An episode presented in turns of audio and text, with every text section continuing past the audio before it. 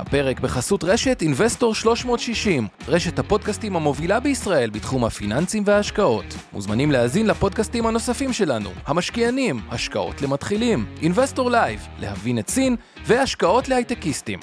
הופק ונערך על ידי שמע, פודקאסטים ויצירות סאונד.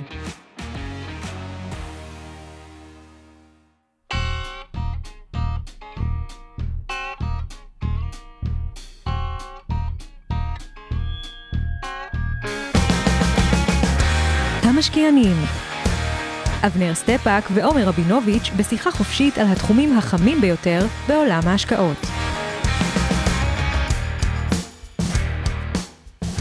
ערב טוב לכולם, ערב טוב אבנר. ו... ערב טוב עומר. והיום אבנר אנחנו דנים האם אנחנו די uh, כבר uh, בשפל בשוק הישראלי או סיכוי טוב שאנחנו לקראת uh, עליות, אולי עליות חדות. ובשביל לנתח את זה אמרנו לחלק את זה לשניים. החלק הראשון, וכמובן תהיה פינת המכפילים כמו תמיד בהתחלה, שהיא גם חלק מזה, אבל החלק הראשון יעסוק טיפה בכלכלה הישראלית. יצא דוח, האמת ממש מעניין, של בנק ישראל מה-20 לשלישי, שנתן ככה סקירה על 2022. כמובן שיש את הדעה של כל אחד לאן הולכים מכאן, ולכן אני כן רוצה שיהיה איזשהו בסיס נתונים יותר uh, טוב על 2022. ואז נדון באמת לאן הבורסה הולכת מפה, אבל כדי לתת ככה לפני שנצלול לפינת המכפילים, ככה שכל אחד יחשוב, אני אתן שאלה, שכל אחד ייקח ככה שתי שניות לחשוב, בעיקר מי שככה גם שומע את הפודקאסט וגם פה בלייב, ויגיב. אז אנחנו יודעים שמדינת ישראל כמדינה היא לא ממונפת, היחס חוב תוצר הוא 60 אחוז. אבל האם האזרחים במדינת ישראל, מה שנקרא הציבור, ממונפים או לא ממונפים יחסית לעולם, או בואו נעשה את זה יחסית ל-OCD. אז בואו נראה ככה ככה מה כותבים. אני עוד רגע אסתכל. כותבים לנו שיש עוד כדורגל היום, לא נעים להגיד, אני אפילו לא יודע מי נגד מי, אני מקווה ש... לא, אז לא צריך לציין, אם אתה לא יודע, אין... אה, אל תהיה בור ברבים. כן. אוקיי, אז עוד רגע נענה על הנושא של האם האזרחים במדינת ישראל ממונפת, ועוד דבר, עוד שאלה. האם אמרנו המדינה לא ממונפת, זה רמז, אבל האם הסקטור העסקי במדינת ישראל ממונף או לא ממונף יחסית ל-OECD. אז התחושה היא שממונף מאוד, התחושה, המציאות היא שאם בממוצע ה-OECD המינוף יחסית לתוצר הוא 64 אחוז, בישראל הוא 44 אחוז, כלומר מאוד לא ממונפים, שני שליש מהמינוף, והמגזר העסקי, אם בממוצע ה-OCD הוא 90 אחוז, גם בישראל מאוד לא ממונף, עומד על 70 אחוז. כלומר, גם ברמת המדינה, יחס סוף תוצר 60 אחוז, גם ברמת משקי הבית וגם ברמת המגזר העסקי, אנחנו לא ממונפים. למה זה חשוב? כשריבית עולה, המינוף מתייקר. וככל שהמינוף יותר נמוך, העול, המשקולת של זה על המדינה, על האזרח, על הסקטור הפרטי, באופן כבד מאוד לכולם, אבל באופן יחסי למקומות אחרים, הוא פחות אה, כבד. אז זה ככה... תשמע, עומר, אני קצת אה, רוצה להוסיף משהו חשוב, כי אני לא חולק עליך, ציינת עובדות ונתונים לגבי המינוף של משקי בית והמגזר העסקי, אבל יש דבר אחד, ואני אה, אולי אשתף אחרי זה גם גרפים, בשניהם יש עלייה חדה במינוף. זה נכון שגם אחרי עלייה חדה אנחנו באמת מתחת לנתוני ה-OECD משמעותית. אבל תזכור שמשקי בית לא משווים את עצמם לעכשיו אה, המקביליהם באירופה ארצות הברית, אלא איפה הם היו לפני עשר שנים וכמה עכשיו התייקרה להם המשכנתה או החזר ההלוואה לישראכרט מימון ישיר או מהבנק ולכן מבחינת התחושה בפועל של משקי בית ושל המגזר העסקי וגם המציאות זה לא רק תחושה יש אה, עלייה הכבדה משמעותית בתזרים של החזר החוב, יש כמובן עלייה משמעותית, רואים את זה בהוצאות המימון בדוחות הכספיים של הציבוריות, עלייה משמעותית בעלויות המימון בגלל עליית הריבית, גם כשהחוב לא גדל נניח בשנה החולפת ספציפית, ההוצאות על החוב הזה גדלו משמעותית עם עליית הפריים, וגם ראינו שקשה מאוד לגייס אגרות חוב בבורסה בתל אביב, במגזר העסקי, או אלה שמצליחים אז משלמים על זה ביוקר מבחינת ריביות. ולכן זה נכון שאנחנו לא בסכנה במובן שעכשיו אה, כן קריסה המונית של משקי בית או של חברות בעקבות המינוף, ספציפית, אבל אה, בוא נגיד שהמצב אה, הרבה פחות טוב מאשר אם המשבר הזה היה מתרחש לפני עשר שנים. תן לי לחלוק על החלוקה שלך, וזה נכון למה שאמרת, אבנר צדק, הנתונים לא מתווכחים, במשקי הבית בהחלט המינוף מאוד מאוד מאוד עלה בהשוואה למה שהיה נגיד לפני עשר שנים או חמש שנים, עלה, כלומר היה פחות. במגזר העסקי קודם כל זה לא נכון, המגזר העסקי במדינת ישראל שמר על יציבות סביב ה-70 אחוז גם מ-2014 עד 2022, שבחו"ל הוא אפילו טיפה עלה. לא, לא, לא, לא, חמוד חמוד, עצור, עצור, עצור, בוא, בוא, אנחנו, יש גבול לכל תעלול. אני ברשותך רגע משתף פה שני... באחוזים? אתה יודע, זה תוך בנק ישראל, נתונים לא מתווכחים. בוא, בוא, בוא, אתה אל תעשה לי מניפולציות. בוא תראה, זה המגזר העסקי אחרי הקורונה, ויש לכם פה זה החוב של המגזר העסקי במיליארדי שקלים, ואתם רואים שאומנם הייתה ירידה מסוימת, הקו הסגול שם, זה הלוואות מהבנקים, זה עיקר החוב. וביתר החוב, כלומר, חוב שפירמות לקחו מאגרות חוב או מוסדים, פחות או יותר נשאר, נקרא לזה ברמה די דומה, אם נסתכל על שלושת הקווים הכתום, ירוק, אדום בגרף, אבל האשראי מבנקים צמח דרמטית בשנתיים האחרונות, נכון שהוא קצת ירד בחודשים האחרונים, הוא עדיין בסדרי אבל... גודל, הוא היום באזור ה-90 מיליארד מול אה, קרוב ל-20 מיליארד רק לפני... אה, מה שאבנר אה, מראה פה למי שלא רואה את הגרף רק, זה שבאמת החוב של המגזר העסקי עלה במיליארדים, אבל אבנר רק... ואגב, גם של משקי הבית, שימו לב, זה השקף הבא. גם של משקי נכון הבית, שטק... מה שמראים, אבל שתי אנקדוטות לגבי הדבר הזה, כי כן. נתונים אפשר uh, לראות, ועם זה אולי נלך למכפילים כדי, כי אחרי זה לנו דיון שלם על החלק הזה. אחד, רוב הגידול של ההלוואות של משקי הבית הלכו לטובת נדל"ן, ואם ניקח את החמש שנים האחרונות, שנגיד שם היה הרבה מאוד מהגידול, השלוש שנים האחרונות, צריך לזכור גם הנדל"ן, השווי שלו עלה, כלומר ההלוואה גדלה עם שווי נכסי ש... גדל, זה אולי לא עוזר מבחינת התזרימית, אבל מבחינה מאזנית זה כן. זה בדיוק הפואנטה. ש- שומר, שנייה, לא- ובמגזר העסקי, כן. אל תשכח, כשמודדים חוב, זה תמיד יחסית לתוצר. ואם אתה לוקח גם את התוצר במדינת ישראל, שהוא עלה, אז מבחינה יחסית, זה ישראל צמחה ש... יותר מאשר אירופה, או יותר מאשר מקומות אחרים, אז באחוזים, בעקבות הצמיחה יחסית מרשת במדינת ישראל, באחוזים שמרת על יחס שהוא די...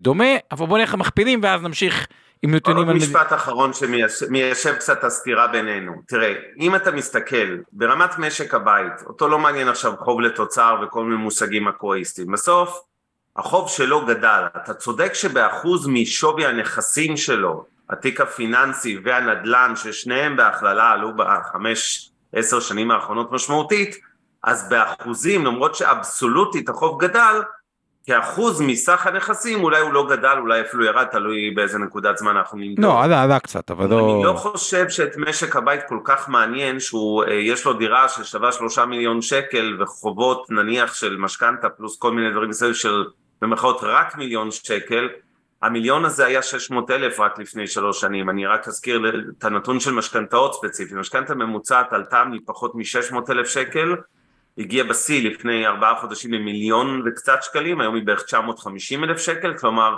משכנתה ממוצעת עלתה באזור ה-350-400 אלף שקל בכמה שנים, וכשאתה לוקח את החוב האבסולוטי, אני שם את הפייק תחושת עושר של אנשים שמחזיקים דירה ויקנו אותה במיליון וחצי והיא שווה שלושה מיליון, אבל הם לא באמת הרוויחו את המיליון וחצי, בהנחה שזו הדירה היחידה שלהם ולא דירה שנייה שלישית וכולי להשקעה, אז בסופו של דבר גם החוב שלהם האבסולוטי הרבה יותר גדול, אבל גם ההחזר בגלל עליית הריבית עלה משמעותית והשילוב של שניהם הוא קטלני להרבה משקי בית. אבל יאללה פינת מכפילים. יאללה, אז פינת המכפילים, מה שאנחנו רואים פה, וזה התזת לונג המרכזית למדינת אה, ישראל, שהיא, בוא נסתכל על ארה"ב ואירופה, ונראה אחרי זה את המכפילים בישראל, ונבין שזול פה. מאוד. עכשיו, כשמשהו זול, יש שתי אפשרויות, אני רק אתן הקדמה לפני שנגיע במכפילים. או שהוא ימשיך להיות זול, אוקיי?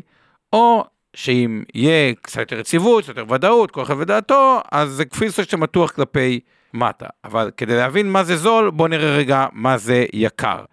הנסדק במכפיל 26, שזה מניות טכנולוגיה, ישראל לא מוטה טכנולוגיה, אז בוא נגיד זה מוטה קצת כלפי, קצת לא בר השוואה. כן, עצור, אה, שנייה, חשוב להדגיש את הנקודה הזאת של הישראל לא מוטה טכנולוגיה, הרבה מהמאזינים והצופים לא מתחבר אליהם, מה זאת אומרת, start-up nation וזה, אבל הבורסה בתל אביב, בשונה ממדינת ישראל, היא באמת לא מוטה טכנולוגיה, מאחר ורוב חברות הטכנולוגיה הטובות נסחרות בנסדק, חלקן גם וגם, אבל הרבה מהן רק בנסדק או בבורסות שהן בוא נגיד יותר מוטות אה, חברות טכנולוגיה. הסיבה לכך זה הפערים הגדולים במכפילים, אתם רואים את זה גם כאן, זה אומנם ממוצע של כל הבורסה בתל אביב ולא של סקטור הייטק, אבל באופן יחסי חברה שמחפשת להנפיק תקבל תמחור הרבה יותר נדיב וגבוה בנסדק מאשר בתל אביב, ולכן הבורסה בתל אביב לא כל כך משקפת היום את הכלכלה הישראלית כי משקל ההייטק שבבורסה נמוך מהמשקל נכון, של ההייטק. נכון, יש בה קצת נייס, יש בה קצת מיטרוניק, שזה בדיוק ההייטק, זה תעשייה פריו נטוורק שנתנה תשואה גבוהה שהיא סמי, אפשר, אפשר לקרוא לזה בעצם אה, הייטק, אה, כן. אבל רוב חברות ההייטק אה, לא כאן, ה-S&P 18.3, שהוא רובד גם עם איזושהי הטיה טכנולוגית, כי היום המדדים, גם ה-S&P, אגב, זה נורא מעניין, פעם הוא היה יותר מוטה נפט, אחרי זה היה יותר מוטה פיננסים, כל פעם יש לו משהו אחר שמציג את הכלכלה, היום מה שמציג את הכלכלה זה הסופר conglomerates בתחום הטכנולוגיה, 18.3, ותשואת אג"ח ארה"ב ירדה מ-4, אנחנו כבר ב-3.51, שזה גם איזשהו debate, השוק מתמחר כבר ירידת ריבית, הפד אומר אני לא מוריד ריבית, ונראה... כן, זה, זה נקודה מדהימה, אני רוצה להתעכב עליה. הפער הבאמת נדיר היסטורית יחסית בין התחזיות של השווקים לבין האמירות, לא רק המחשבות, האמירות של נגידי הבנקים המרכזיים. כלומר, השווקים אופטימיים יותר מהנגידים, הם בעצם אומרים לנגידי בנקים, חבר'ה אתם טועים, אתם אומרים שאתם לא הולכים להוריד את הריבית כל כך מהר, אבל זה לא נכון, אתם כן תורידו אותה, שזה קצת נשמע לי דבילי, אני חייב להגיד שבקרב הזה אני יותר מאמין לנגידי הבנקים, ואני פסימי לגבי קצב הורדת הריבית, אני לא חושב שנראה אותה יורדת כל כך מהר כמו שהשווקים מניחים, אבל מצד שני השווקים זה השווקים, הם כרגע באמת מתמחרים, אה, אה, בואו נקרא לזה ככה, יחסית סיום מהיר של אירוע הריבית הגבוהה. ואם נסתכל קצת תשואות העבר, חלק ממה שיש, מה שנקרא, בכלל תופעה מאוד מאוד ידועה, לתת משקל יתר למה שעשה טוב לאחרונה, והמדד שעשה הכי טוב בעולם בחמש שנים האחרונות זה הנסדק, או אחד הטובים בעולם, 96.2 אחוז, עם הירידות, עם הכל, שזה המון, ה-S&P 55 אחוז, וזה מסביר גם את התמחור הנדיב של מניות הברית, האם תמשיך להוביל במניות? נדבר על זה עוד מעט. אירופה הייתה כמו ישראל, אבל עכשיו היא גם יותר יקרה מישראל, כלומר גרמניה עתידי כבר 11.4, בריטניה 10.4, צרפת 12.8. תל אביב כן, שלה... צריך להגיד משהו על אירופה, אומר, קודם כל המכפילים הם עדיין יחסית סבירים, לא אגיד מאוד נמוכים, כי אירופה גם היא יבשת במשבר, אבל המכפילים האלה של 10 עד 13 הם בסך הכל יחסית זולים. וכל הפער שנפתח בין אירופה לישראל בעצם מתחילת שנה במכפילים שהיינו מאוד דומים אה, בראשון הראשון אה, רואים אותו פשוט למטה בנתוני תשואות בעוד שהמניות באירופה עלו מתחילת אה, השנה בשלושה וחצי חודשים האחרונים ב... בין 6% ל-16 אחוזים, אנחנו כמובן במינוס 8 עד 10 אחוזים ולכן בעצם נפתח גם הפער בהתאמה במכפילים ועוד מילה על המכפילים של ישראל, שואלים אותנו תמיד, אה, וגם היום אמיר כרמי שואל בצ'אט עכשיו, אה, למה אין מכפיל עתידי, יש לנו תמיד בלוק חסר כזה, אז בארץ אין מספיק אנליסטים, מישהו גם ענה את התשובה הזו, ראיתי קודם בצ'אט, אין מספיק אנליסטים שחוזים קדימה את רווחי החברות בתל אביב, ולכן אין מושג כזה מכפיל רווח עתידי, אז ליאת, כשאת שואלת לגבי מכפילים, כל המכפילים שאנחנו תמיד מדברים עליהם, אם לא אמרנו עתידי זה המכפיל ההיסטורי, כלומר ארבעת הרבעונים, השווי של החברות חלקי הרווח שלהם בארבעת הרבעונים הקודמים ולעומת זאת אנחנו מתייחסים גם בנפרד למכפיל הרווח העתידי, זה שציינתי שאין אותו בישראל. אני כן אגיד מבדיקה של המחקר של מיטב שבארץ מכפיל הרווח העתידי מאוד דומה, אם היו מפרסמים כזה, אז הוא מאוד דומה גם למכפיל ברוורס, גם באזורים של המכפילי 8-9 שוב, זה שילוב של הנחה מסוימת גם לגבי כמובן הרווחיות אה, קדימה, אבל uh, בסך הכל uh, בוא נגיד שהבורסה בתל אביב מושגי מכפילים בלבד נראית מהיותר זולות בעולם. יפה, ותשואת אג"ח 3.94. במדינת ישראל, סין מכפיל 10.6, די זול, יפן אזור ה-13, ובאמת בולטת לרעה ישראל בשנה האחרונה, כמעט כל השווקים בעולם חיוביים. למעט הודו שהיא גם סביב האפס, ותל אביב ה-35 מינוס 3 וחצי, תל אביב 90 מינוס 8 3, ותל אביב יתר, תל אביב 60 מינוס 9 וחצי. עכשיו אני רוצה על רקע המכפילים האלה שאתם אה, אה, רואים פה, וטובת המאזינים, לתת לכם רגע תזת לונג על ישראל, כדי שזה יהיה יותר מעניין. ולפני שנצלול גם מכל מיני נתונים מתוך הדוח סטטיסטי של בנק ישראל מ-2022, אני רוצה לסכם פה סיפור תזה, הרי כל השקעה, או, או בדרך כלל, בין אם זה בסטארט-אפ, בין אם זה בחברה, בסוף יש איזשהו סיפור. אני רוצה לכם סיפור, שלמה מדינת ישראל, מה שדיברתי עליו, דווקא שמדינת ישראל הצטיינה, יש לה סיכוי להיות אחת הבורסות הטובות בעולם בעשור הקרוב, זה היה טרם כל השינויים שהיו, שכל אחד יפרש אותם איך שהוא רוצה. אבל אני רוצה לתת לכם רגע את תזת הלונג המקורית, להגיד טיפה מה טיפה נסדק בה, אבל עדיין יש בה איזשהו היגיון בתזת הלונג המקורית. אז או שאבנר אתה רוצה להגיד משהו או שלרוץ עם התזה? כן, אני, אני אגיד לך, קודם כל תהיה ערני לזה שיש לנו ערימות של הערות ושאלות בצ'אט היום, אז אנחנו נצטרך גם להתעכב קצת על זה. כמובן שכחנו להתחיל את השידור עם להזכיר לכולם שיש לנו תמלול חרשים ולקויי שמיעה, שיר פלדמן האלופה עושה לכם, אז אה, close captions, מי שצריך לראות את זה, כתוביות מוזמן, כמובן לא רק חרשים לקויי שמיעה, יש כאלה שזה פשוט יותר נוח להם. תודה לאורית טולדנו שבאולפן על ההפקה ותודה לצוות שלך, עמי ארביב, אור חלמיש ואורן ברסקי שעוזרים לנו עם התכנים. ואני אגיד ככה, מה שאני רוצה טיפה ברשותך אומר לפני שאתה ממשיך להתייחס לכמה נקודות שעלו פה, שאלות שפחות קשורות לנושא אנחנו נתייחס אליהן ממש בסוף, IRA, כל מיני דברים אחרים, לא לדאוג. טוב, יש הרבה הערות ציניות שבאופן טבעי נובעות מהפוזיציה כן, הפוליטית של כל אחד אה, לגבי, שאלת, התחלת את המשדר עם אה, מה יקרה, הבורסה בדרך לעלות או הפוך, אז אה, נשמע שכל אחד, ש... לפי רמת הפסימיות על הסיטואציה של התוכנית, רפורמה, הפיכה, וואטאבר, כל אחד מגיב, או לא כל אחד, אבל הרבה, ויש כאלה שכותבים פה דשדוש ברצועת צרה וכולי. אבל היו כמה נקודות, אה, שאלות ככה למכפילים. אמיר שואל, איך העניין של מכפיל רווח עובד למעשה? אם יש חברה טובה שהיא מכפיל 10, מה זה אומר לי במכפיל, ביחס למניה? האם זה אומר שהחברה היא זולה, המניה זולה, כלומר, אה, מכפיל 10 זה אומר שזה אמור... ולא ארוויח מזה כלום. תחת ההנחה השקרית שהחברה לא תרוויח יותר ולא תרוויח פחות, כי תמיד בדרך כלל זה מרוויח או יותר או פחות, תוך עשר שנים היא מייצרת קאש או תזרים או רווח ששווה ערך לשווי החברה, כלומר היא אמורה להכפיל את עצמה או לייצר 10% לשנה. להכפיל לך את ההשקעה, כלומר 10% בשנה, מכפיל 10 נחשב זול, מכפיל 5 נחשב מאוד מאוד זול, שהשוק כמעט ולא מאמין שהרווחים יישמרו אותו דבר, ומי מכפיל 20, 25 וצפונה מתחיל לחשב יקר, כי 20 מייצג בערך 5% לשנה, שזה פחות או יותר כמו הריבית, אז אתה אומר וואלה, אתה צריך להיות קצת אופטימי לגבי ה... כן, חברה... נגעת בנקודה חשובה, מי שעכשיו משקיע באיגרת חוב של ממשלת ישראל לעשר שנים יקבל בערך 4% כמעט, אוקיי? שזה מכפיל 25, מכפיל 25. כן, אז בדיוק, אז אם המכפיל הוא באזור 25, אין סיבה שתקנה מניות, אלא אם כן אתה מאוד אופטימי שהחברה תצמח משמעותית ברווח, ואז מה שהיום הוא מכפיל 25 על הקצב הנוכחי יתברר בעתיד ככמובן מחיר אולי זול, כי מה שהיום החברה מרוויחה עשרה מיליון שקל, נניח שבעוד חמש שנים זה כבר יהיה שלושים ובעוד עשר שנים אה, שישים שבעים מיליון שקל, אז כמובן שקנית בזול היום, גם אם שילמת מכפיל עשרים וחמש. אבל בגדול מה שחשוב לי להגיד על מכפילים אמיר זה שההשוואה הנכונה היא לא עכשיו ברמת בורסה, אלא את המניה בודדת ביחס לענף שלה, קודם כל, כי יש הבדל מהותי, מכפילים בהייטק של 20 עד 30 נחשבים נורמליים, מכפילים בבנקים של 20 עד 30 זה נחשב uh, טרללת, אוקיי? אז צריך להשוות גם לענף, רצוי גם לאותו ענף בחו"ל, נגיד מניות בנסדק וכולי.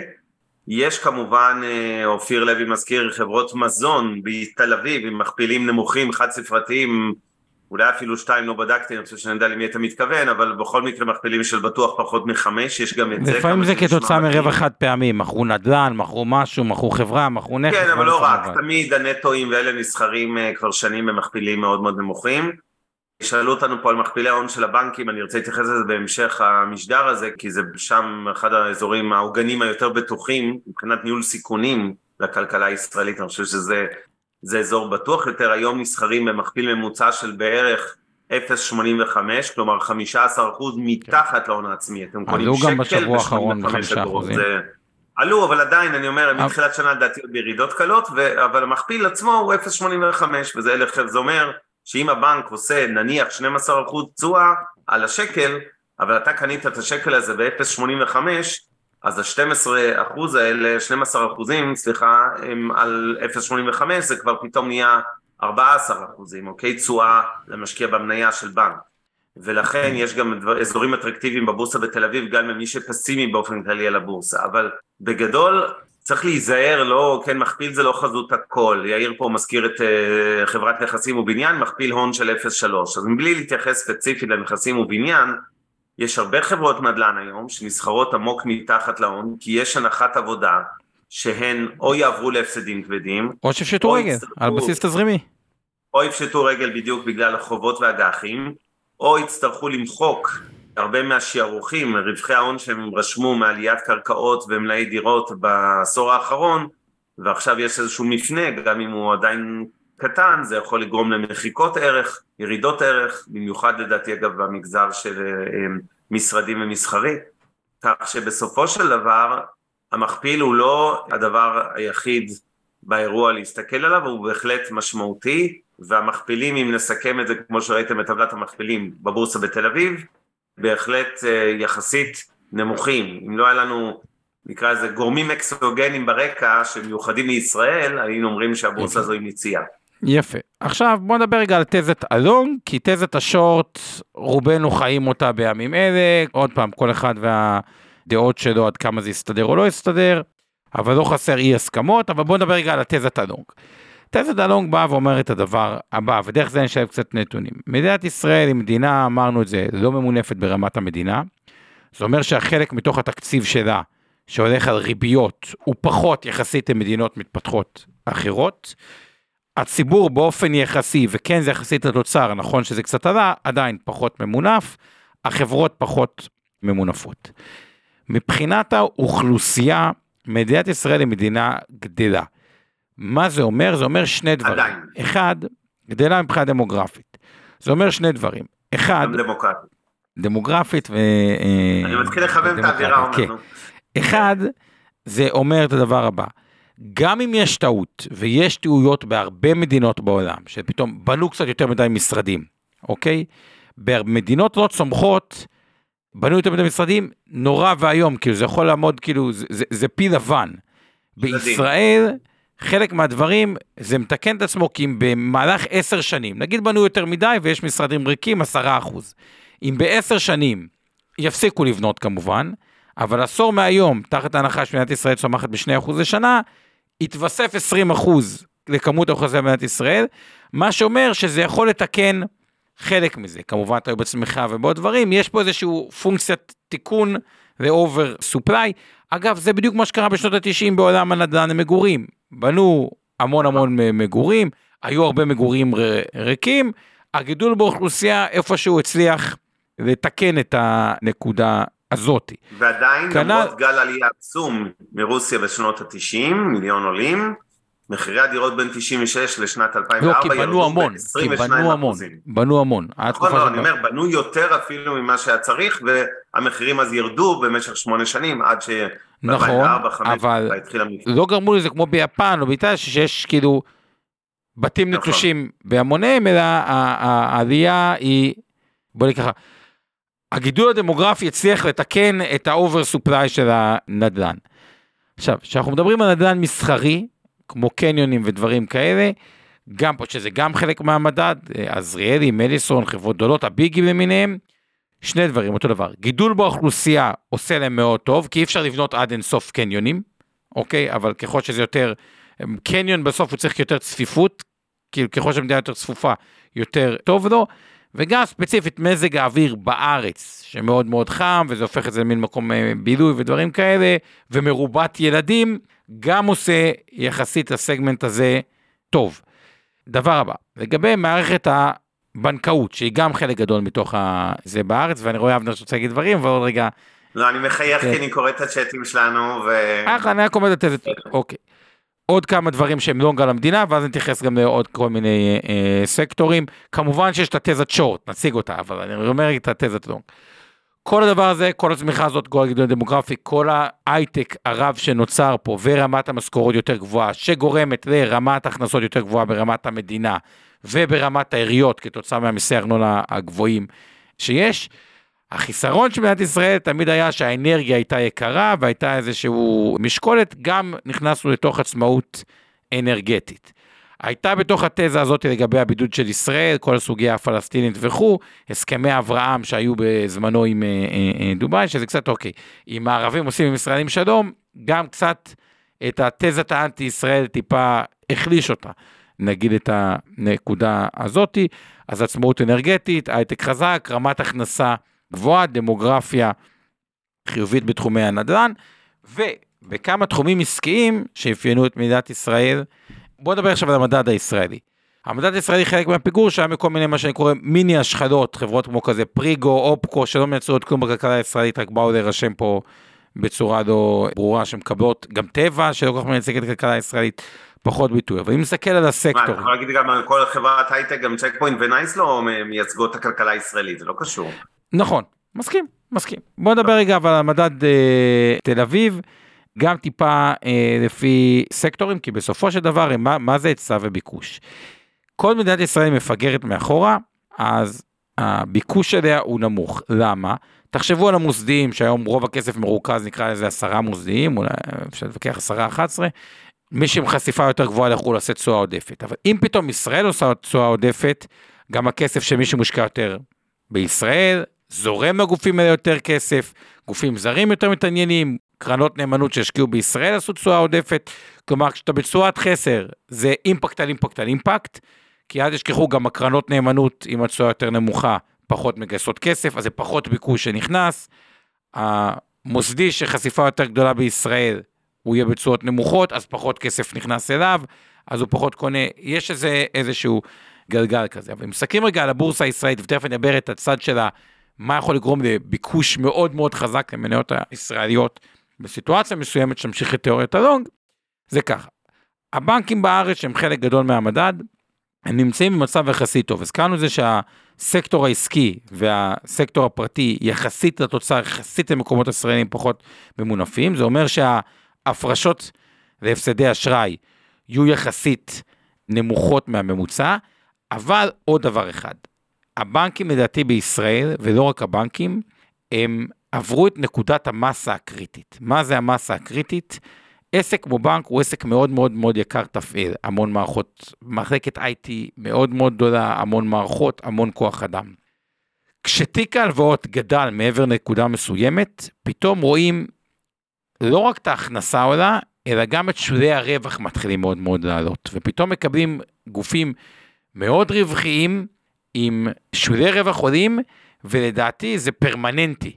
זה כלומר, ברגע שתיק האשראי הוא גדל, והוא בגודל גדול כבר, זה מובטח עשור קדימה של תשואה יחסית טובה על ההון העצמי לבנקים, ואם התיק עוד יותר יגדל זה עוד יותר טוב, וגם הריבית תעלה בנקודה מסוימת זה אפילו לא רע לבנקים. שעוברים לסקטור הנדל"ן המניב, אותו דבר, התזה זה, זה מדינה צומחת, אז גם אם יש איזושהי בטן רכה, ולדעתי יש קצת over supply, אגב, בקניונים, וממש לא רואים את הנתונים האלה, רואים שם קניונים שמלאים עד אפס מקום מבחינת הסוחרים.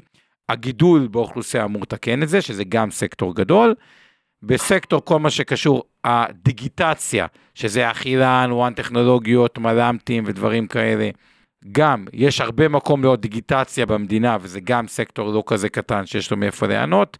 לדעתי כל סקטור ניהול הכסף במדינת ישראל, בין אם זה חברות ביטוח, בתי השקעות שאבנר לא אוהב שאני מדבר עליהם, וכו' וכו' וכו', בדומה לבנקים, עברו את הנקודת מסה הקריטית, כלומר אם אני מסתכל על העשור הקרוב, כל הגופים האלה, הביג 11, יכפילו את היקף הנכסים שלהם, חצי מזה בעקבות הפקדות, חצי מזה בעקבות תשואה, כי גם אם עושים 3-4% לשנה, התשואה מובילה, וההוצאות של הגופים האלה לא יעלו כל כך הרבה, עוד פעם, דיגיטציה, התייעלות, מערכות אה, מידע וכו', ופתאום נקרא מה שזה נקודת המינוף, בדומה מאוד למה שראינו בבנקים, גם בסגמנט של כל מה שנקרא אה, ניהול כסף, ארוך טווח, קצר טווח, אלטרנטיבי, לא משנה, name it, איך שתרצו, שזה חלק לא מאוד גדול מהמדד, אבל הוא גם לא כזה קטן, חברות הביטוח, בתי השקעות אה, ביחד מהבורסה הישראלית.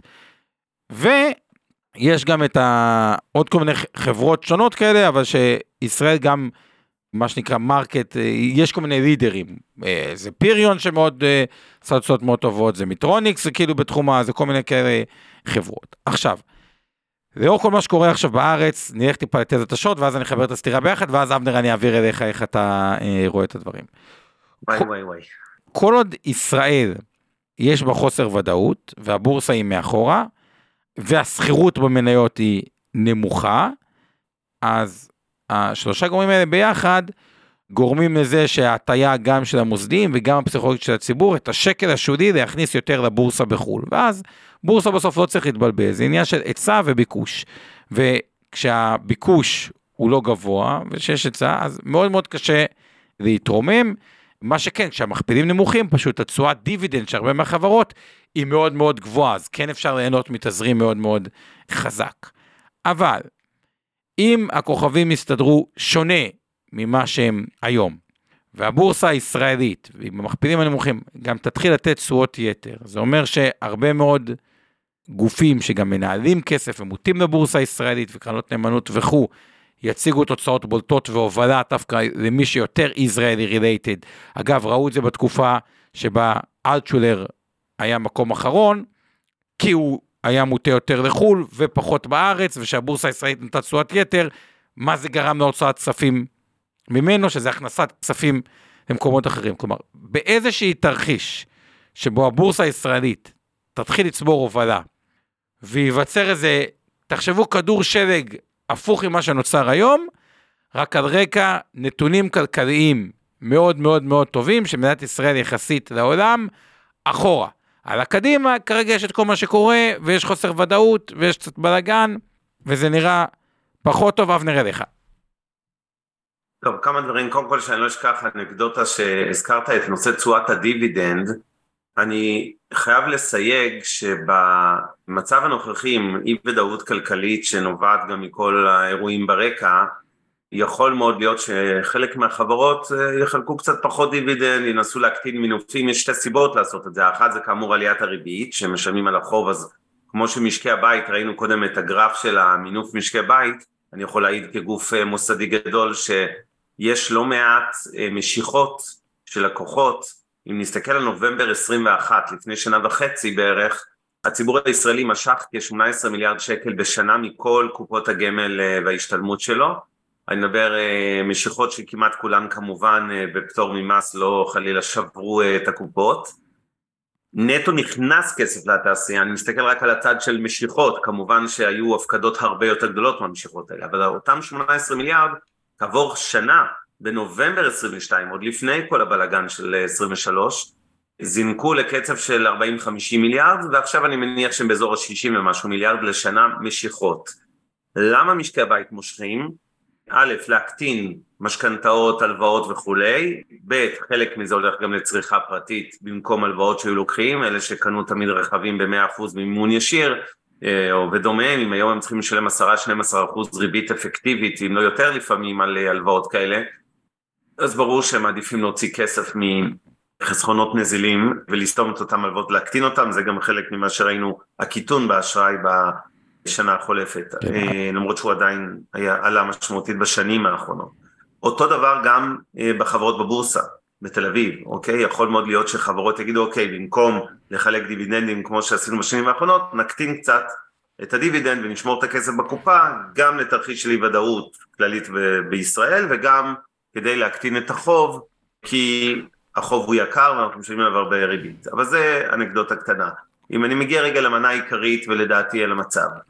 בעולם שבו כאמור אין הפיכה משטרית, ואין אה, משבר בהייטק גלובלי שפוגע בישראל כמובן יותר ממקומות אחרים גם ככה, ואין איומים גיאופוליטיים שעלו מדרגה דרמטית בחודשים נכון. האחרונים. התשובה שלי מכפילים נמוכים, תשע זה בוננזה במושגי שוק מניות, אוקיי? אז ישראל הייתה אמורה להיות השוק אחד האטרקטיביים ביותר. אי אפשר אבל להתעלם מנושא ניהול הסיכונים, ואני אתחיל דווקא מהסיכונים הגיאופוליטיים, כי לא, הם לא מקבלים מספיק attention נקרא לזה של משקיעים בבורסה. כשאנחנו מדברים על סיכונים פוליטיים, אוקיי? אנחנו כבר, כמו שאתם מכירים את המנטרה שלנו, אנחנו מטיפים לה כבר אה, שלוש שנים פה ברצף.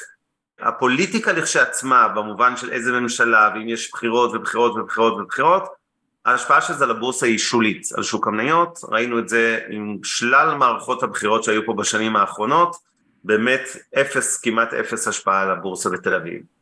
להבדיל אירועים גיאופוליטיים, בעיקר הנושא של חזית איראן וחיזבאללה ולבנון שמאוד התחממה, מי שעוקב, אנחנו מאבדים הרבה מהיתרון האסטרטגי שלנו סביב סעודיה ומדינות המפרץ, עכשיו היום נציג בכיר של אה, כן סעודיה דורך על אדמת סוריה כן זה אה, אותו משטר בסעודיה זה זה שמימן את המורדים נגד אסד רק לפני שלוש ארבע חמש ועשר שנים.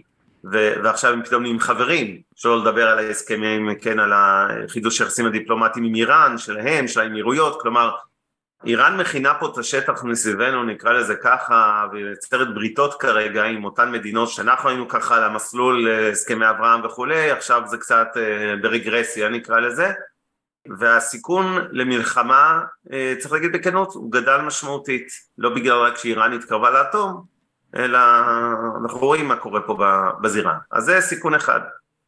סיכון שני זה כמובן הסיכון, אה, כן, אופיר כותב שהוא פינטז שאולי הסעודים הולכים לתווך אה, בתהליך שלום אזורי, אגב זה יכול להיות, כן, זה לא תרחיש מופרך, אבל לצערי אני פחות בונה על האיראנים שמחפשים עכשיו אה, תיווך לתהליכי שלום, וזהו, זה, זה סיכון אחד. סיכון שני הוא כמובן סיכון ההייטק, ששוב אני עוד רגע מנתק את ההפיכה המשטרית, אני מדבר רק על סיכון ההייטק בפני עצמו, המשבר הזה הוא כמובן משבר שלא התחיל עכשיו, הוא התחיל כבר באוקטובר 21 פחות או יותר, והתעצם, 22 הייתה שנה גרועה מאוד. אני יכול להגיד שהבעיה העיקרית של ישראל, השילוב של זה עם, עם כל מה שקורה עכשיו בהפיכה המשטרית, הוא קטלני להייטק, והייטק אין מספיק מילים שיסבירו ל, ל, לכל מי שמאזין או צופה בנו עד כמה זה דרמטי המשקל של ההייטק בכל פרמטר שלא תבדקו אותם תשעה אחוזים שעובדים בתעשייה הזאת הם 27 אחוז מהניקויים של מס הכנסה, אני מדבר ברמת העובדים עכשיו, לא ברמת חברה משלמת אה, כן מס חברות, הם מפרנסים עוד הרבה ענפים מסביב, רוב הנדל"ן אגב, כולל בצד השלילי שזה עליות בנדל"ן, הם היו פקטור מאוד דרמטי, אותם הייטקיסטים שקנו את הדירות פה בשנים האחרונות, אבל זה מקרין גם לבתי קפה, מסעדות וכולי, והירידה המאוד מאוד חדה שליאת מזכירה פה 75 אחוזים ירידה בהשקעות בהייטק ואפילו הנתונים קצת מזייפים, הנתונים של הרבעון הראשון שהם היו גרועים הם במציאות יותר גרועים, אני יודע את זה כדירקטור ומשקיע בעצמי בחברות הייטק ובאחת החברות שהוזכרו שם כביכול גייסנו 300 מיליון דולר ברבעון הראשון אבל זה לא נכון, גייסנו אותם לפני שנה וחצי והם הומרו עכשיו, זה משפיע משמעותית על המספרים של כל ישראל לצערי הדוגמה הזאת, אבל בסך הכל בהחלט שם מורגש האפקט של מה שאני מכנה, יסלחו לי אלה שחלוקים לדעתי ההפיכה המשטרית, ופה צריך להגיד משהו, זה בכלל לא חשוב. אגב, 72 אה, מסך ייצוא השירותים במשק, שזה גידול של 16 נקודות אחוז לעומת 2014, או 40 אחוז מסך כל ייצוא הסחורות במשק, שזה גם גידול לעומת 8.31. כשחושבים על זה ברמת השירותים, כאילו, זה, זה, זה המון, לא משנה, 40 אחוז מסך הייצור, זה המספר. הסיכון הזה, והייטק צריך לזכור, מה זה הייטק בסוף? זה מוח, כסף ומקלדת, שלושה דברים שאפשר להזיז בחמש דקות על מטוס, זה לא מפעלי תעשייה, של להעביר אותם כמו שארה"ב או אירופה מעבירות מסין חזרה קצת הביתה, זה, זה מאוד מאוד קל, כן, להעביר אנשים, אני מכיר לצערי אנשים שכבר עברו, עוברים אה, לכל מיני רילוקיישנים שלא אה, נבעו רק מכן, אה, מאיזה מסלול לחיים מתוכנן וכו', ולא צריך כמות גדולה, צריך להבין את זה, זה לא צריך פה שכל ההייטק אה, יעזוב את מדינת ישראל, זה גם לא יקרה, כן, אני לא, לא, לא כזה פסימי, שלא תבין לא נכון, אבל מספיק שחלק מההייטקיסטים האלה, וזה לא, הם לא עוזבים לבד, זה גם החברות שנרשמות, אחוז גדול מאוד מהחברות החדשות שהוקמו מתחילת שנה, מראש נרשמו בארצות הברית, ישראלים אמרו, אוקיי, ליתר ביטחון נרשום בדלוור במקום בתל אביב, וזה ממש מגמה מסוכנת, ואני מציע לא לזלזל בה, וזה גם, כמו שאמרתי בסוף, שכל העולם מסתכל על ישראל בפרספקטיבה כרגע שלילית, כלכלנים, מדינאים וכולי, וגם בתוך הארץ, בכנות חלק גדול, אה, שוב, לא משנה, האחוזים, וה, כן, תלוי באיזה פרמטר בודקים את זה, נניח שזה חצי חצי לשם הדוגמה, בהחלט מחשבה יוצרת מציאות, ואין מה לעשות. כלכלה ושוק ההון זה פסיכולוגיה, זה עוד הרבה דברים אחרים, אנחנו צריכים, בורסה אוהבת ודאות, אוהבת, בוא נגיד, יציבות, וכרגע, לצערי, אין את זה, ואני גם לא חושב שיהיה את זה כל כך מהר, כלומר, אני מתקשה לראות את האירוע הזה נגמר לפני לפחות חודשיים שלושה, גם אם תאורטית הגיעו להסכמות שם בוועדה הסודית אצל הנשיא, שאף אחד לא יודע בדיוק מה קורה שם. וואי, איזה שמח, הייתי בטוח שתגיד, אני לא רואה את זה נגמר לפני ארבע שנים הקרובות, הייתי משוכנע שזה מה שאתה תגיד, חודשיים. אני, אני חייב לסייג, כי אני יודע שהתחלתי ככה כן. בנאום מאוד פסימי, אבל בשורה התחתונה, כשאנחנו מדברים גם על המכפילים האלה, אי אפשר להתעלם ממכפיל תשע. אם היינו עכשיו מכפיל 15, הייתי אומר, חבר'ה, סליחה, אבל יש שווקים הרבה יותר אטרקטיביים מתל אביב. בסוף יש פה איזה קונטרה בין המכפילים הנמוכים לבין הסיכונים ה...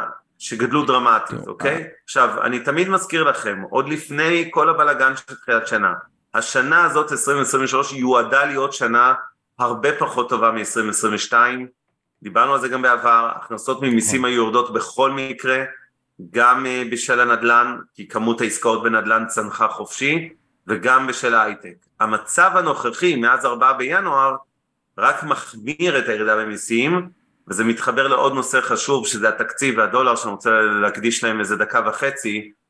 התקציב שיוגש עכשיו במאי, כמו שהוא כרגע מתוכנן, הוא הזוי, הוא מנותק מהמציאות הכלכלית, הוא גם לא יעבור, זאת אומרת הוא יעבור בפוליטיקה, הכוונה אבל הוא, הוא לא ימלא את ימיו והוא עוד יקוצץ בהמשך, כי הוא מניח הנחת גירעון סופר אופטימית של אחוז אחד, יש שם לפחות שלושה ארבעה אחוזי גירעון בתקציב, ועוד יגיעו הקיצוצים, אי אפשר, אי אפשר לאשר תקציב כן. כזה עם כן גידול בהוצאות וירידה בהכנסות כזאת, אז זה משהו שיכול לדחוף את הדולר עוד יותר למעלה, וגם בלי קשר לתקציב, הדולר כרגע הפך להיות ברומטר של כל הבלאגן הזה, הדולר וכמובן אגרות החוב של ממשלת ישראל.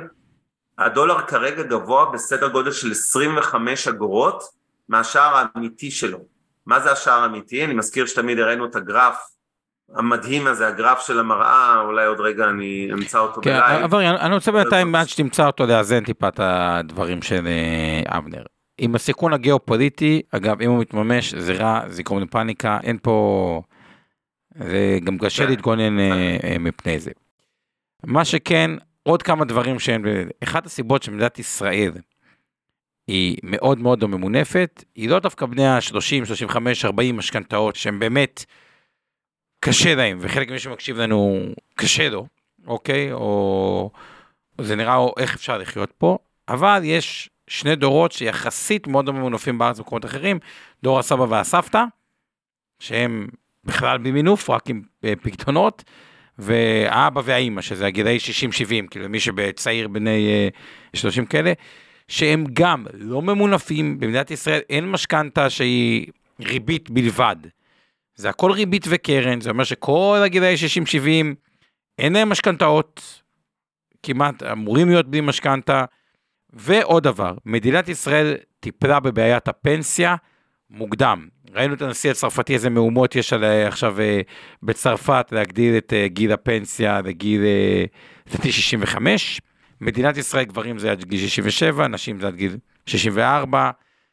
עם הפרשות פנסיוניות מאוד גבוהות, זה עוד בעיה שטופלה במדינת ישראל בזמן, ולא טופלה במקומות, במקומות אחרים, והחסכונות של הציבור, אותם חמישה טריליון שקל, שאגב לא ירד כל כך הרבה, תחשבו על זה, היה מפולות, היה ירידות, היה בשיא 5, עכשיו אנחנו ב-4.9, לדעתי סוף רבעון הזה, עם כל העליות שהיו בשווקים בחו"ל, אנחנו כבר נחצה את החמש כלפי מעלה.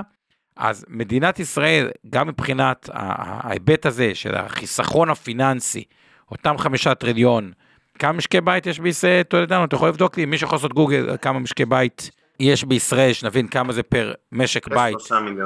אה, ממוצע, אם מי שיכול לעשות גוגל ולעשות פה את המספר המדויק, אם נתונים האלה להיות מדויק, זה שכבת הגנה אה, נוספת, וגם ככה, ניקח רגע אבנר כדי לחדד את כמה מדינת ישראל לא ממונפת. וזה שוב, זה מי שממונף או כך משכנתה או קשה לו, זה מאוד מטעה, הדבר הזה. כל ההלוואות, ואני אסתכל רגע, אני אקח רגע את כל שווי הנדל"ן למגורים בארץ, וחלק אותו בכל שווי המשכנתאות בארץ, ונראה שזה לא כזה גבוה. כמה משקי בית יש? 2.6. אז 5 טריליון ל-2.6 זה בערך 2 מיליון שקל למשפחה ממוצעת. גמל פנסיה השתלמות, אגב, כולם מרגישים, רוב מי שישמע את זה ירגיש אני, רוב האנשים אין להם מושג כמה כסף יש להם, פנסיה, גמל, השתלמות, כל הדברים האלה, פלוס הכסף שלהם, בדרך כלל מופתעים כי הם לא לוקחים בחשבון את המרכיב הפנסיוני, שהוא חלק uh, גדול. אבנר, רצית חזרה אליך.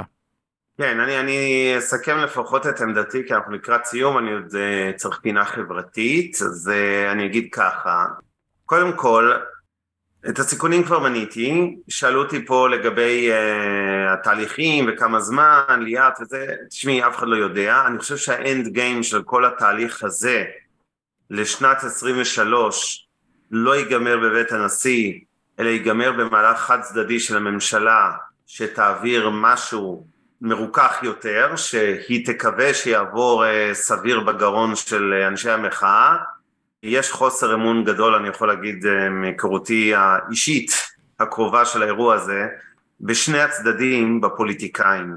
הימין לא ייתן לפוליטיקאים שלו להתקפל יותר מדי, ומרכז שמאל, למרות שהחלוקה הנכונה אולי יותר שמרנים וליברליים, אבל נשים את זה רגע בצד, לא כל כך סומך על גנץ ולפיד שיעבירו שם, שלא יעשו לנו פשרות אה, כואבות מדי, ולכן בעיניי בסוף זה לא ייגמר באמת שם בהסכמות בין פוליטיקאים, אלא בין הפוליטיקאים מימין לאנשי המחאה, או ליתר דיוק הסכמה שבשתיקה, זה לא משא ומתן, כמו שפשוט הם ינסו להעביר מתווה מרוכך, כי אני חושב שככל שהם מבינים את הנזק לכלכלה הישראלית ומתחילים להבין, לא, אל תתרשמו מהציוצים של סמוטריץ' ושות' כאילו לא מתרגשים מהדוח של מודי'ס ולא ממודי'ס ולא מתרגשים מכל מיני דברים אחרים ונתוני הגירעון של מרץ שכבר נראה מחורבן, וכאילו כאילו משדרים כאילו הכל סבבה, אבל לא הכל סבבה, ויהיה גם פחות סבבה בחודשים הקרובים, ולכן אני חושב שבסופו של דבר זה ייגמר באיזושהי התקפלות אה, סבירה חלקית נקרא לזה של הפוליטיקאים עם הרפורמה הזאת, לא לגמרי, ברור שהם אה, לא יכולים להרשות לעצמם לוותר על הכל. הבעיה היא שאסטרטגית כל האירוע הדרמטי הזה של החודשים האחרונים פתח בעיניי חזיתות לא פחות גדולות שעוד יחזרו אלינו סביב הצבא, סביב השוויון בנטל מהצו... מהזווית הכלכלית, לצערי אני אומר את זה, מעודד גם שנאת חרדים ואני מאוד נגד זה, אבל ברור לי שזה עכשיו יהיה יותר ויותר בכותרות, אנחנו מפרנסים אתכם וכולי. אני חושב שצריך מאוד להיזהר על זה, אני אתייחס לזה גם בפינה החברתית אחרי שאתה תעשה את הסיכום שלך אומר, אבל אני חושב שהנושאים האלה של השסע הזה הולך ללוות אותנו כמה שנים והוא יתפרץ מדי פעם סביב נושאים שונים, זה יכול להיות איזה הטרלה של הצעת חוק של איזה חבר כנסת אידיוט שירים משהו, כי הם אלופים ב- בלעשות הטרלות כאלה, וזה יכול להתפרץ על כל מיני רקעים אחרים.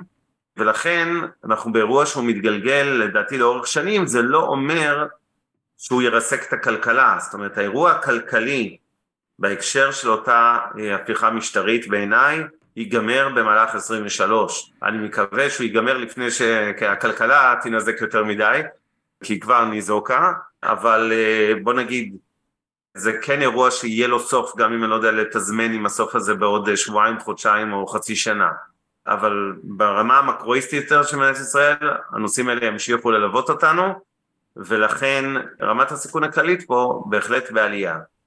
בשורה התחתונה, אם אני היום מסתכל על הבורסה בתל אביב, וזה המקום להזכיר את הערת האזהרה המשפטית הרגילה שלנו, שכל מה שאנחנו עושים פה הערב זה חינוך פיננסי ודיונים אקטואליים ולא ייעוץ השקעות ולא תחליף ייעוץ השקעות המותאם לצרכי ונצא כל אחד מכם, ואם הזכרנו פה, הזכרנו כל מיני מניות בשידור ועוד נזכיר אולי שם או שניים, אז זה תמיד מניות שאנחנו מחזיקים, תצאו מנקודת הנחה אי שם בתיקי השקעות וקרנות הנאמנות של אינבסטור 360 או בתיקים קרנות גמל פנסיה השתלמות של מיטב ולכן יש לנו אינטרס שאנחנו מזכירים את זה וזה לא המלצה לביצוע פעולת השקעה כלשהי. בהכללה, משקיע שיושב באחוז סביר בתל אביב ומתלבט אם לצאת מכאן או להגדיל כאן, אני כרגע בין ניוטרל להגדלה קלה, בגלל המכפיל הנמוך ולמרות הסיכונים.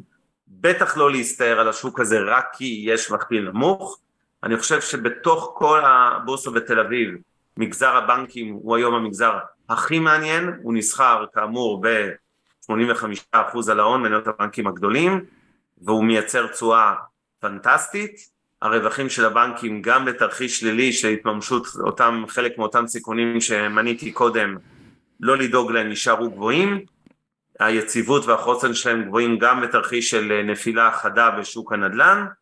ולכן בשורה התחתונה אני חושב שהם יותר מעניינים הם וגם סקטור התקשורת יואל בתל אביב יותר מעניינים קמעונאות פחות, אני חושב שהאטה במשק אה, תהיה יותר חריפה ממה שכרגע מניחים.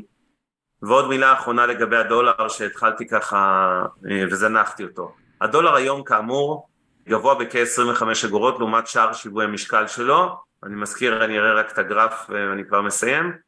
זה הגרף שנראה מדהים, זה שימו לב לאלה שצופים בנו וכמובן לאלה שמאזינים אז נגיד שהוא כמעט תמונת מראה מדויקת, S&P 500 מול השקל דולר, פשוט יחס הפוך, אגב מתאם שלילי של בערך 0.35-0.4 אבל שימו לב מה קורה בצד הימני של הגרף, בחודשיים שלושה האחרונים חל ניתוק מהתמונת ראי הזאת, אוקיי? וזה בדיוק מה שמשקף את אותם 25 אגורות אה, נקרא לזה אקסטרה שהדולר יקר מדי הדולר הוא בהחלט ברומטר ולכן לדעתי מי שמגדיל, קודם כל גם מי שלא מגדיל מניות בתל אביב צריך להחזיק היום חשיפה דולרית גבוהה יותר מאשר החזיק בעבר, חלק מזה יש לכם ממילא, אתם לא צריכים לקנות בהכרח דולרים, יש לכם חשיפה דולרית דרך מניות בנסדק או בכל מיני שווקים בחו"ל, שזה כבר בעצם... אצל המופתים זה בערך 18 עד 20 אחוז נקרא לזה. כן, אנחנו לדעתי באזור ה-24-6 אחוז אפילו, גבוהים מהממוצע. תלוי איפה, בקרנות השתלמות זה בדרך כלל יותר גבוה, ובפנסיה בגלל הגחמיות, לא משנה, קח את זה כסף. כן, לא חשוב.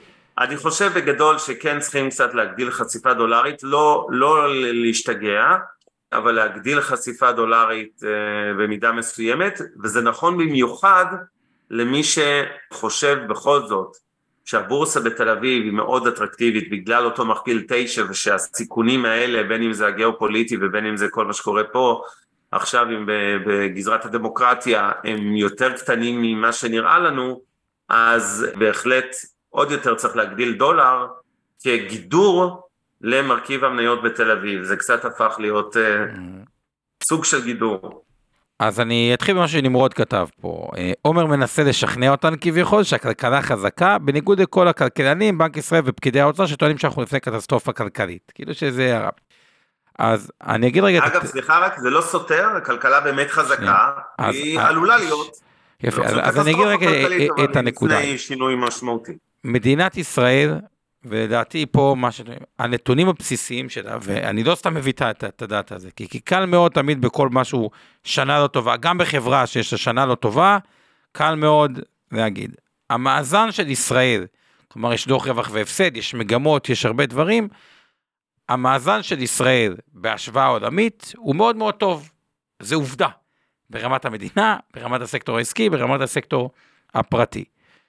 מה שחבל, ואני חושב שהמצב שהגענו במדינת ישראל הוא טרללת, ואני אסביר מה חבל, אוקיי? בלי קשר לדעות פוליטיות. מדינת ישראל באמת הייתה בנויה, היא כל הזמן שימו לב, היא עולה ועולה ועולה ועולה, ולדעתי היינו 19 בתוצר לנפש בעולם.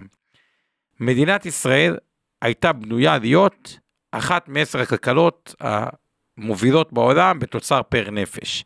השילוב הזה, הייטק, אנרגיה, דיגיטציה שעוד יש סקטור הציבורי המון מה לייעל, הראש הישראלי, היהודי, תקראו לזה שאתם רוצים, היזמות שיש פה, מדינת ישראל הייתה בנויה ללכת ולהשתפר ולהשתפר ולהשתפר. וממש להיות מהמדינות המובילות אה, בעולם. יש פה, כשאומרים את ההייטק, אנשים מבינים את זה, זה לא שג'נרל מוטורס פה, או גוגל פה, אמזון פה, או פייסבוק פה. ג'נרל מוטורס, הליבה של המוח של הרכב האוטונומי פה, כאילו בהרבה דברים זה כאילו הליבה של העתיד של החברה פה. Uh, מה שחבל בכל הטרללת הזאת, אחד, יכול להיות שפה בסדר, אוקיי, אבל יכל להיות כאילו, שהנתונים לא גרועים כמו שחושבים, כי, כי יש פה עוגנים טובים, אבל חבל כי יכל להיות הרבה יותר טוב, אוקיי, בקטע של החבל. ושתיים, כמו שאבנר אמר, אני מוסיף לזה את התמחור, ולגבי הדבר הזה, המגמה, מה שקורה אחורה, הוא לא טוב. חלק מזה כבר מתבטא בתמחור. אבל האם בסופו של דבר, כמו שאבנר אמר, שלוקחים את הבנקים ב-0.8 על ההון העצמי או 0.85, עסקה טובה, על פניו, יש פה סיכון, אבל גם התמחור הוא בהתאם.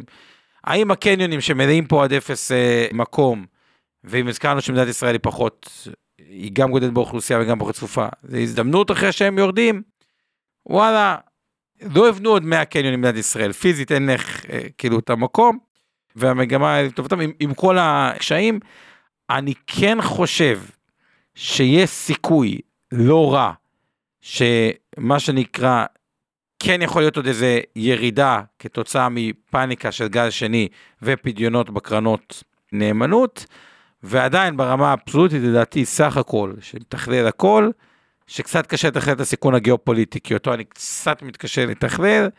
בתרחיש הסביר, על פניו אני מסכים עם אבנר, ואנחנו בדרך כלל לא מסכימים, שזה בין ניוטרל, מה הכוונה ניוטרל? אני לא בטוח שזה הזמן להגיד, יאללה, אני מוכר את כל התיק הישראלי, מעביר הכל לחו"ל. אפשר להתווכח אם זה כבר הזמן להגדלה, או לא הזמן להגדלה, אבל אנחנו ב neutral, כאילו אם מחשבים את המכפילים בארצות הברית ובזה, neutral, neutral אפילו עם טיפה הטיה לדברים ספציפיים, כי יש מניות שעדיין הייתי לא נוגע בהם בישראל, אבל זה הזה, אבנר, נראה לי... אה, כן, אני, אני רוצה לגנוב כרגיל 60 שניות לפינה החברתית, חברתית. ואז נעשה מרתון צ'יק צ'אק, נענה לשאלות פתוחות שנשארו בצ'אט, ואם יש עוד שאלות אז זה הזמן. דווקא, דווקא בימים האלה, של כל הקיטוב והבלגן הזה, אני רוצה להתייחס לעמותה שנקראת עלה, פעילה בעיקר בבני ברק, זה אחד המרכזים העיקריים שלה, יש הרבה עליים, כולל אחיות כמו עלה בנגב מי שמכיר, אבל עלה עמותה אה, שאני מתייחס אליה מבני ברק, מטפלת בילדים עם מוגבלויות, זה התחיל בשנות ה-80 כעמותה שהורים הקימו בעצם בשביל לטפל בילדים שלהם, ילדים עם מוגבלויות וצרכים מיוחדים מכל המינים והסוגים, בעיקר מוגבלויות פיזיות, נכויות, CP וכולי. עמותה נהדרת שמפעילה המון שירותים מבריכה הידרותרפית להמון המון דברים שמטפלים אה, במגזר השלישי היום ואני אומר את זה גם אה, במגזר באותם אה, ילדים. זה לא רק אגב ילדים מתעסקים גם בתעסוקה ועוד. גם כשהם מגיעים לגילאים יותר מבוגרים יש להם גני ילדים בתי ספר וכולי מעונות יום שיקומיים כאלה. אני הייתי בעמותה אחרת הרבה שנים כדירקטור בעלייה של ילדים עיוורים, גני ילדים לילדים עיוורים, ואני חייב להגיד משהו. אני חושב שהתוצר הכי גרוע של כל מה שקורה ברגעים אלה בחברה הישראלית, בלי קשר באיזה צד אתם של המפה, הוא הקיטוב הזה, ולצערי שמתפתחת בו גם שנאת חרדים, ויש כל כך הרבה, אני מעורה במגזר החרדי היטב, יש כל כך הרבה אנשים שעושים כל כך הרבה דברים טובים וזה לא רק עבור המגזר החרדי, כלומר כמו שאתם יודעים אני לא מדבר על ארגוני הצלת, איחוד הצלה וכולי, רק אלא גם אה, באמת הרבה מאוד אה, דברים טובים אחרים כדוגמת על בני ברק. ואני חושב שכולנו צריכים לזכור בכל הפייטים האלה, אני רואה כל הזמן החרמות והיום אה, איזה אידיוט באיזה ערוץ טלוויזיה שאני לא אזכיר את שמו כי הוא לא ראוי אפילו להיקרא ערוץ תקשורת, הסביר שהוא מחרים את אל על כי איזה טייס אמר שם משהו וכל יום יש איזה סרט אחר, צריך לרדת מה, מהדבר הזה, מותר לריב, מותר להפגין, מותר אה, וצריך כנראה גם, הכל בסדר, עם אחד, אה, אבל בסוף עם אחד, ואני שם בצד, אני לא אומר את זה בגלל שאנחנו ביום השואה, יום הזיכרון השואה, אלא באמת כי, כי בסוף, עם כל הכבוד צריך לזכור שאנחנו צריכים להמשיך לחיות פה, ואסור, בסוף אסור שילדים, לא משנה מאיזה דת, גזע, מין ועדה הם נמצאים, ישלמו מחיר על זה שההורים שלהם הולכים מכות במרכאות על עתיד המדינה. טוב, נראה לי שאנחנו די כן, חוזרים. מיצינו, כותב לי אופיר, שאני לא מחייך מספיק, אני חייב להגיד לך אופיר, תאמין לי, עברתי גיהנום ביומיים האחרונים, נדמה לי שהצלחתי לחייך המון הערב, אני לא יודע, אתה הרגשת שאני זה, עומר. אבנר, אתה חייכת ואתה חתיך והכל בסדר, אפילו גידלת שיער, לא מחייך, גידלת- שיער. כמות שזה מאוד הדברים שקרו לי מרשים. ב-48 שעות האחרונות, זה יפה אני חושב שאתה. בלחץ שמנשירים חסמו שיער. לי את הוואטסאפ הערב. שתבין, קיבלתי חסימה, אוקיי? כשאתה מתעסק במחאות אז אתה לפעמים בסכנה שיתייגו אותך כספאמר, אז וואטסאפ לשעתיים שלמות הגדירו אותי כחסום על ספאם, פעם ראשונה בחיים שלי, ושחררו לי כי כתבתי איזה מכתב אה, מתחנף, אז זה בסדר. אבל אה, כן, אני בימים קצת קשים, אבל אני משתדל לנטרל את זה, לא, לא לדאוג, הפסימיות שלי היא לא בגלל זה. הפסימיות, ה- כן, לא מוגזמת מדי, אבל uh, הכל בסדר. Uh, לגבי uh, מכפילים, השוק הישראלי לא, קטן... אופיר אומר מאוד שחייכת. דווקא, אתה סתם אה, זה. לא, הוא כתב לי בצ'אט, מה זאת אומרת? לא, הוא אמר לא. דווקא אחרת, לא משנה, קיצר, יאללה אבנר, חוזרים חשוב. אה, אחרינו, קיצר, אה, אה, מילה שלך, כן, מילה יאללה, שלי, ו... נשתחרר אותם לכדורגל, הם רוצים כדורגל ואנחנו מקשקשים פה על שווקים. אה, חיים. שבקפיצה, גז די זול, נכון, גז נכון. זול. בביטחוניות לא כזה זול, לדעתי. אני מסכים, גז זול, ביטחוניות פחות, ביטחוניות כן היתרון הוא שיש אופק לדעתי שמן ועסיסי גם בעקבות מלחמת רוסיה-אוקראינה אבל גם באופן כללי בעולם, פשוט המכפילים לא מספיק נמוכים אבל, אבל לפחות יש פיצוי שזה כן חברות גלובליות לא מקומיות שלדעתי הולך להיות להם עשור בסך הכל טוב מאוד לתעשייה הביטחונית פשוט קצת מבאס לקנות מניות לא הכי בזול. כן, מכפיל זה 30 אלביט. מערכות, כאילו, כן, זה בדיוק, לא זה כזה... כבר מגלם חלק מה upside הזה של מגיע חלק אה, מה upside, ועוד. דבר אחד שככה, את הדברים האלה. ריביות גבוהות, זה אומר מדינות משלמות יותר ריבית. מדינות משלמות יותר ריבית, מתישהו, הן צריכות לחשוב איפה לקצץ.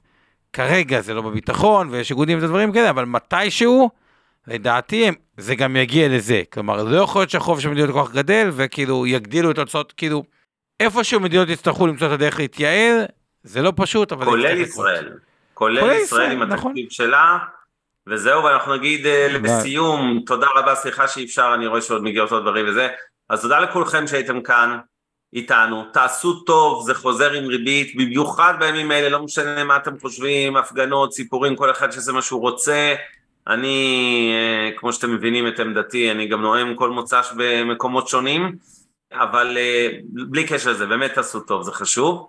ואנחנו אומרים תודה לרבית, לשיר פלדמן, סליחה, על התמלול אה, אה, של המשדר, ותודה אה, לאורן ברסקי, עמי ארביב ואור חלמיש, על התכנים, ולאורית טלדנו שאיתך באולפן, ואני מצטער שאני לא איתכם, אני פשוט כל כך גמור היום שלא יכולת אפילו... שואלים אותך מתי אתה נואם. בקפלן, שאלו אותך. שאלו אותי מתי, אני, זה מצחיק, הציעו לי בהתחלה לנאום בקפלן, ופחדתי, אני אגיד בשיא הכנות, בית השקעות, מיליון ומשהו וחצי לקוחות, זה לא הדבר הראשון שאתה רוצה לעשות. ואחרי כמה שבועות ככה אמרתי בוא ננסה בקטנה והתחלתי כל מיני קריית אונו ונס ציונה והוד השרון ורמת שרון והשבוע ואני שבוע הבא ברעננה והשבוע אני בקיסריה מול הבית של נתניהו במוצ"ש ואחרי זה בגבעת שמואל אחרי צאת השבת בתשע וחצי אני שם ויש לי עוד ירושלים ועפולה, לא משעמם לי, אני ממש אה, מרגיש כמו בטור הזה, אני אעשה טישרט כזה עם אה, כל המקומות שהופעתי במחאות. אה. בקפלן לא הזמינו אותך, אתה אומר. בסדר. כן, דניאל אומר שלא כדאי שאני אנאם בקפלן. יכול להיות שאתה צודק, לא יודע. עודד אומר סטפאק לממשלה. בסדר, חברים, אני לא הולך לפוליטיקה, לא לדאוג, אני איתכם, נשאר, ואנחנו נמשיך, אה, ניפגש פה בשבוע הבא, אז תודה לכולם ולילה טוב. לילה טוב. מעוניינים ללמוד יותר על עולם ההשקעות? האזינו לפודקאסטים נוספים שלנו. המשקיענים, אבנר סטפאק ועומר רבינוביץ' בתוכנית אקטואלית עם כל מה שחם בעולם ההשקעות, Investor 360 Live, אורן ברסקי ועומר רבינוביץ' מארחים את בכירי שוק ההון ומבינים את הטרנדים החשובים לשנים הקרובות. להבין את סין עם יובל ויינרב, עם כל מה שרציתם לדעת על הענקית מהמזרח, השקעות להייטקיסטים עם צח איציק, שיבנה איתכם תוכנית כלכלית להגשמת החלומות שלכם, והפודקאסט ההשקעות למתחילים, לכל מי שעושה את צעדיו הראשונים בעולם ההשקעות.